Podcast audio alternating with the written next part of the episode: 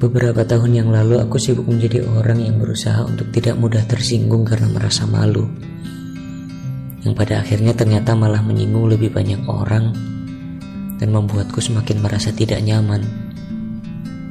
Kita emang perlu memutar atau memperluas cara pandang kita.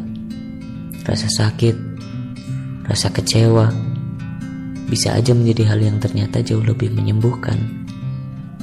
Terlebih darinya aku belajar mengurangi rasa benci pada diriku sendiri. Kadang malu, terlalu sensitif dalam hal perasaan.